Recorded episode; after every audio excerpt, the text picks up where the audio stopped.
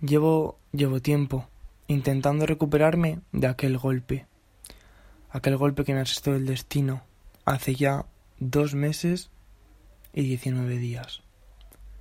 Ese frío día de Año Nuevo en el que mi vida cambió, cambió por completo. Sigo convencida de que nadie en ese momento sabía aún lo que se nos venía encima. Tuvimos que huir de Madrid. El enemigo se acercaba, lenta pero firmemente. Madrid, ay Madrid, era mi Madrid. Se encontraba bajo asedio. Ya no era segura ni operativa para resistir. Se había convertido en una ratonera. Sabía que si caía, que si llegaban a penetrar nuestras murallas, lo teníamos todo perdido, que toda esa resistencia habría sido en vano, y era algo que de ninguna manera podíamos permitir. Camino de Valencia no podía dejar de pensar en lo que mis padres desde niña siempre me habían repetido. Yo quería ser maestra, pero era una niña de pueblo. Mi labor era ayudar a mi madre con el cuidado de mis hermanos, mientras mi padre trabajaba de sol a sol en la mina. Su recuerdo rondaba constantemente por mi cabeza. Mi casa, Vizcaya, acababa de ser tomada por el bando nacional. ¿Qué estarían haciendo a mis padres, a mi marido, a mis hijos? Llegamos a Valencia. A medida que el tiempo avanzaba, parecía que todo iba cayendo a mi alrededor. Cada vez éramos menos. Dimisiones, huidas, muertes, sí, nos mataban. Cada día llegaba información sobre compañeros del Partido Comunista. Algunos resistían, otros no. Cartas de presidentes de uniones de trabajadores cartas de artistas y de pensadores. Necesitábamos ayuda.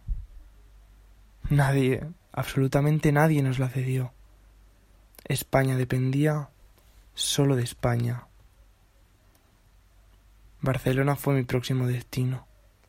Allí pude volver a ver gente, gente de la cual hacía mucho tiempo que no sabía nada podrían haber estado encarcelados, represariados, incluso muertos en alguna cuneta.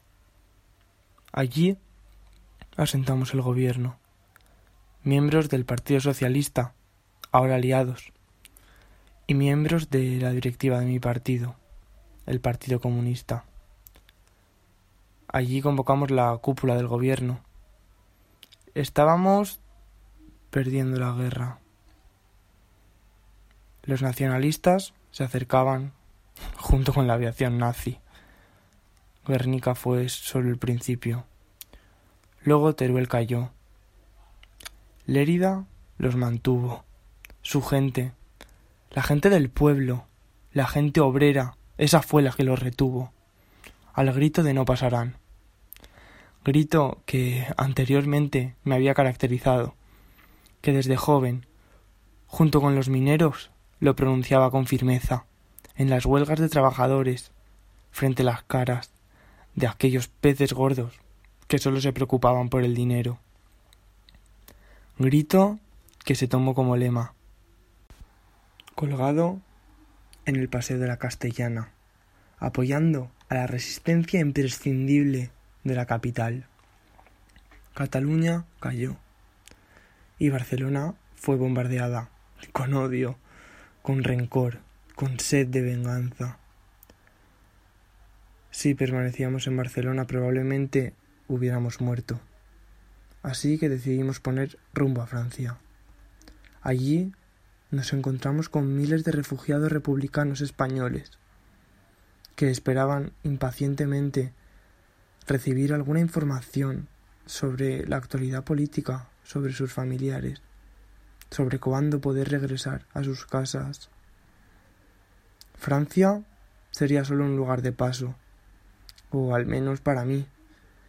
Mi gente, mi causa estaba en España, y seguía resistiendo. El sureste aún no había caído. Llegaríamos a Albacete. No, no era un buen lugar para establecernos. Estaba incomunicado y desde allí no podríamos ejercer nuestras funciones. Aunque cerca de allí se encontraba una zona industrial que era elemental para el sustento del bando republicano.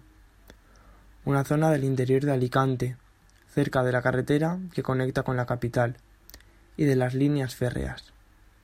Las ciudades de Elda, Petrer y Monóvar, área que durante toda la guerra había sido fiel a nosotros. Llegamos el día 25 de febrero y sus ciudadanos nos acogieron con las manos abiertas. Éramos bienvenidos. La escuela castelar sería ahora nuestro centro de comunicaciones y nos instalamos en una pequeña finca agrícola petrelense, el Poblet. Nos aseguramos de establecer una vía para poder escabullirnos de forma rápida si fuera necesario. Los pocos que habíamos aguantado hasta ese momento sabíamos que era algo inminente.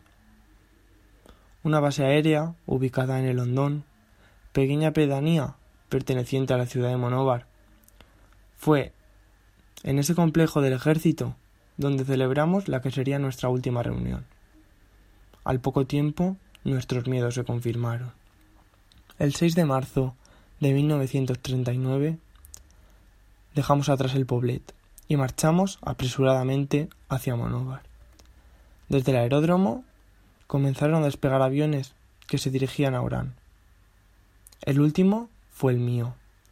Dejamos atrás todos nuestros sueños, todas nuestras esperanzas se iban dispersando, al igual que los paisajes del Vinalopó, a medida que el avión se alejaba del suelo. El final de la guerra civil fue caótico. No hubo rendición honrosa, no hubo retirada, no hubo resistencia. El máximo símbolo de aquel final fueron las miles de personas que se agolparon en el puerto de Alicante, tratando de escapar de la represión que se avecinaba.